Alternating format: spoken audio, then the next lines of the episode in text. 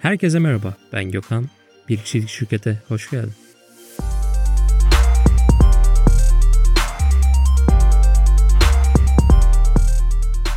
Bir kişilik şirket yolculuğumda beni en çok zorlayan zaman yönetimi oldu.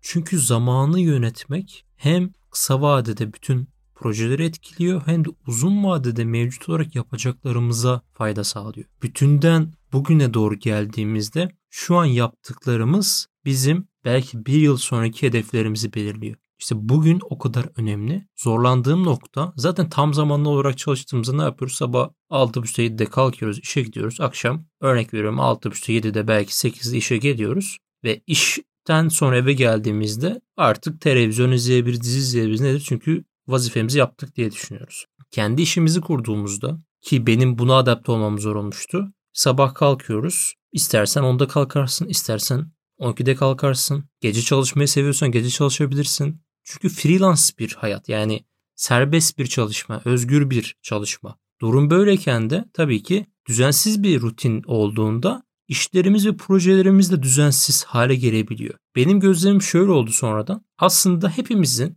gün içerisinde bazı rutinleri var. Yani ne yapıyoruz? Sabah kalkıyoruz, işte dişimizi fırçalıyoruz, işe gidiyoruz. İşte yaptıklarımız rutinler, öğlen yemeği rutini, akşam eve geliyoruz. Belki işte ev yemeği yapıyoruz, yani yemek yapıyoruz, temizlik yapıyoruz, televizyon karşısına geçiyoruz vesaire. Yani tüm zamanımız belli rutinlerden oluşuyor. Bizim bu rutinlerimiz eğer ki kötü alışkanlıklardan oluşuyorsa, kötü alışkanlıktan kastım şu, yani uzun vadedeki hedeflerimize hizmet etmeyen alışkanlıklar diyebilirim. Eğer ki iyi alışkanlıklarımız varsa problem yok. Fakat kötü alışkanlıklarımız varsa burada zaman yönetimi konusunda ekstra bir takviye ihtiyacımız olabilir. Benim gözlemim şöyle oldu. Bundan bir formül de çıkarttım. İyi alışkanlıklar eşittir kaliteli zaman yönetimi sağlıyor. Kötü alışkanlıklar da zaman verimsiz kullanmaya sebep oluyor. Yani ikisi birbirine tamamen bağlı. Eğer uzun vadede hayallerimize gitmek istiyorsak, başarılı olmak istiyorsak,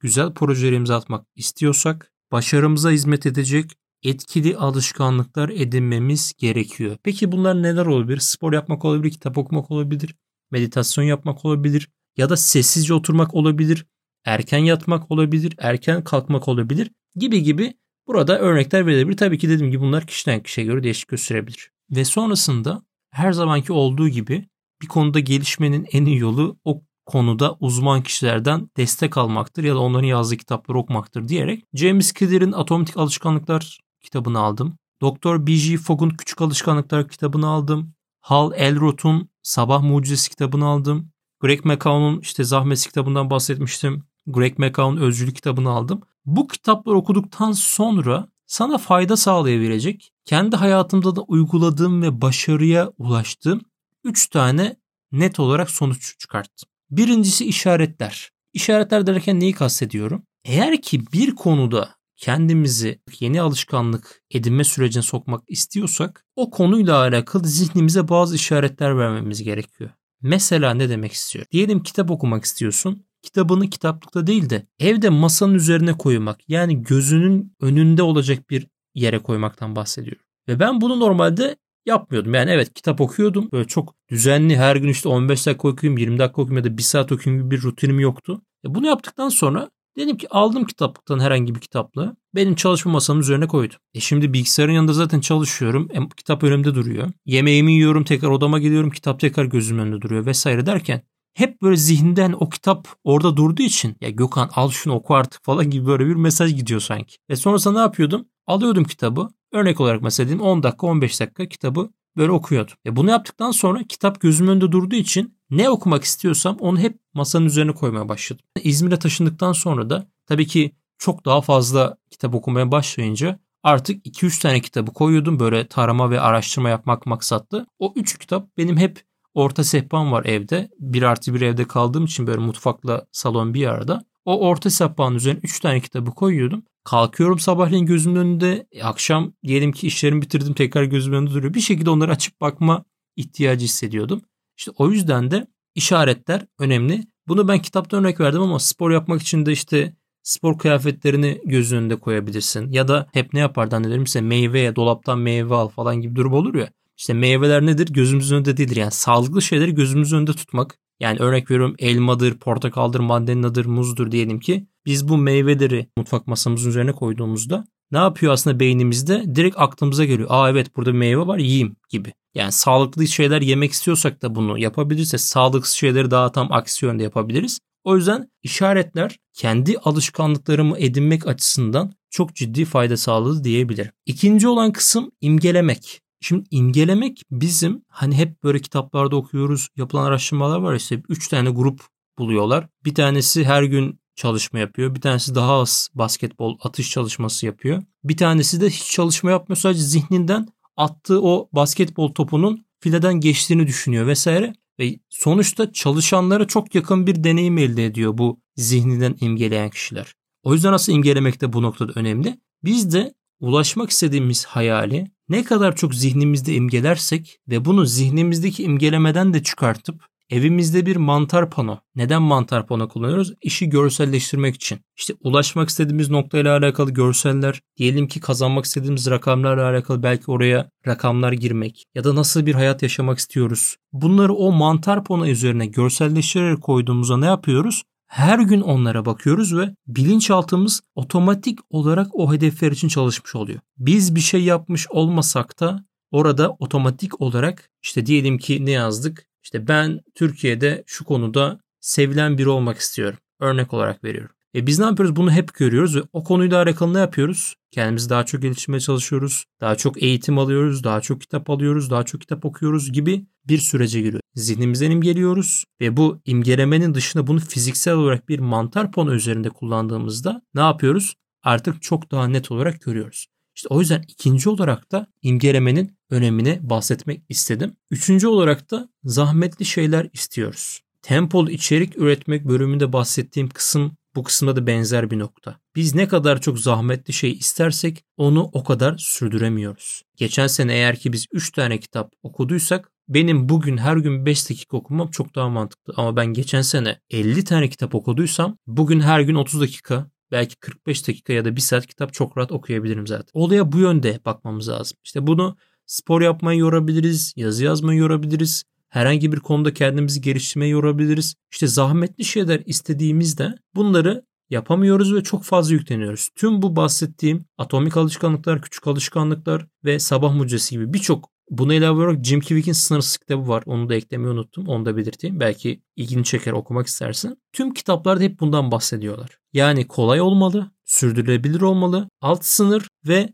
üst sınır içermeli. Bu şekilde olaya baktığımız zaman emin ol hayatımıza çok daha iyi alışkanlıklar katabiliyoruz. İleride yapmak istediğimiz, hayal ettiğimiz noktaya hem bunları yaparken bir taraftan da imgelemeye devam ediyoruz ve bir taraftan mantar ponunda fiziki olarak yaptıklarımız yazıyor ve buna ilave olarak da işaretleri kullanıyoruz. Ne yapmak istiyorsa gözümüzün önünde duruyor projeler artık. Ve bunları yaptıkça zihnimiz hep bilinçaltımıza çalıştığı için farkında olmadan zaten eyleme geçebiliyoruz. Peki son olarak geldiğim noktada ben nasıl alışkanlıklar edindim? Bunu da belirteyim. Şu anki rutinimde her gün sabah 8.30 gibi uyanıyorum ve her zaman uyandıktan sonra yaklaşık bir iki bardak su içip montumu giyip şu an kış olduğu için dışarıya çıkıyorum yürüyüşe ve 30 dakika boyunca yürüyorum. Benim belli bir rutinim var. Bazen o rutinin dışına da çıkıp farklı yerlerde de yürüyebiliyorum. Bunu yapmam şuna sebep oluyor. Açılmamı sağlıyor gün içerisinde hem de insanlar da o saatlerde işe gitme hayat başladığı için genelde herkes zaten günlük hayatına başlamış oluyor. Herkes de aynı anda rutinime başladığım için de psikolojikman ben de hani normal bir rutinime eve gidince evet işimin başına oturacağım ben de düşüncesi geliyor. Ve sonrasında eve geldiğimde yaklaşık 2 saat boyunca kitap okuyorum, notlar çıkartıyorum. Ve bu notları sonrasında tabii ki derliyorum ama kitap okuma kısmı işimin büyük bir parçası olduğu için bunu sevdiğim için zaten yapıyorum aslında. Bu tamam işimin bir parçası diyorum ama zoraki olarak yaptığım bir şey değil kesinlikle. Çeşitli kültürlerden kitaplar okumaya çalışıyorum. Her ne kadar ne kitap okursam okuyayım şunu biliyorum zaten. Mesela geçenlerde Marcus Aurelius'un bir tane kitabını okumuştum. Mutlu bir yaşam pek az şeye bağlıdır diye yanlış telaffuz etmiyorum umarım. Şimdi bu kitapta bile çok ciddi öğretiler var. Uzun yıllardır var olan bir kitap ve öğretileri de o kadar eski oluyor. O yüzden kitap okurken genelde buna dikkat ediyorum. Yani yeni çıkan popüler kitaplar da genellikle moda kitaplar olabiliyor. Fakat her zaman eski kitapları da okumaya çalışıyorum. Yani bir kült olmuş uzun yıllar boyunca hani belki bin yıl örnek veriyorum bin yıl önce yazılmış ya da yüz yıl önce yazılmış halen satışı olan, okumaya devam eden kitaplara dahil ediyorum.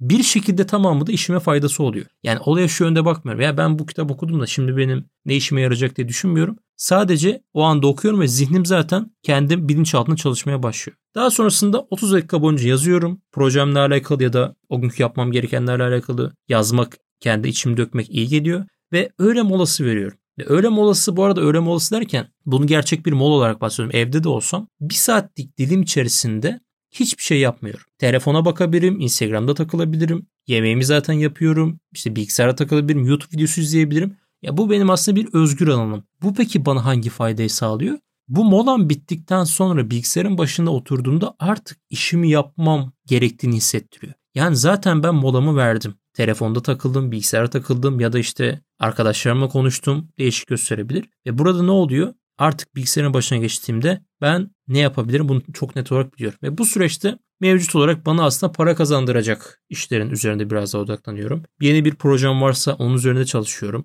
Bir danışmanlık görüşmem varsa onları yapıyorum. Ve podcast için notlar çıkartıyorum bu süreçte. Notları derliyorum, toparlıyorum vesaire. Akşam 6 olduğunda da mesaimi bitiriyorum. Bu da çok net. Tabii ki akşam olan vakitte ekstra bir danışmanlık görüşmem varsa yapabilirim. 6'dan sonra artık bilgisayarla alakalı herhangi bir işlem yapmıyorum. İşte buna çalışayım, şuna çalışayım demiyorum. Yemeğimi yapıyorum ve artık oturuyorum. Ve ilk duyduğunda belki kafanda şu oturmuş olabilir. Ya Gökhan sen çok fazla mesai yapmıyorsun, çok çalışmıyorsun gibi görünüyor olabilir. Fakat burada şunu altını çizmek istiyorum. Benim buradaki en büyük yaptığım şey şu oldu değişiklik. Telefondan uzaklaşabilmek. Bu bahsettiğim çalışma dilimleri içerisinde telefon hiçbir şekilde elime almıyor. Zaten molada bahsetmiştim ya molada alabilirim problem yok. Sabahtan öğrene kadarki süreç ve öğleden akşama kadarki süreçte telefonumdan işte, işte Instagram'da Reels izleyeyim, YouTube Shorts'lara bakayım gibi dikkatimi dağıtacak herhangi bir şey yapmıyorum. Çünkü şunu biliyorum. James Clear Atomik Alışkanlıklar kitabında da buna değiniyor. Bir işe başladıysan diyor, onun üzerinde artık yoğunlaşman ve bir akış haline girmen lazım. Yani trans hali de diyorlar buna. Jim Kivik buna trans olarak bahsediyor. Mihaly Csikszentmihalyi buna akış teorisi diyor. Akış olarak bahsediyor. Yani akış aslında şu. Biz bir işe girdiğimizde kafamızı artık nedir? Kaptırmak. Yani saatlerin nasıl geçtiğini anlamadığımız süreç. Bizim zaten bu sürece girmemiz bir zaman oluyor. Yani 15 dakikada giremiyoruz sonuçta. Atıyorum belki 45 dakikada bir saat dilim içerisinde buna giriyoruz.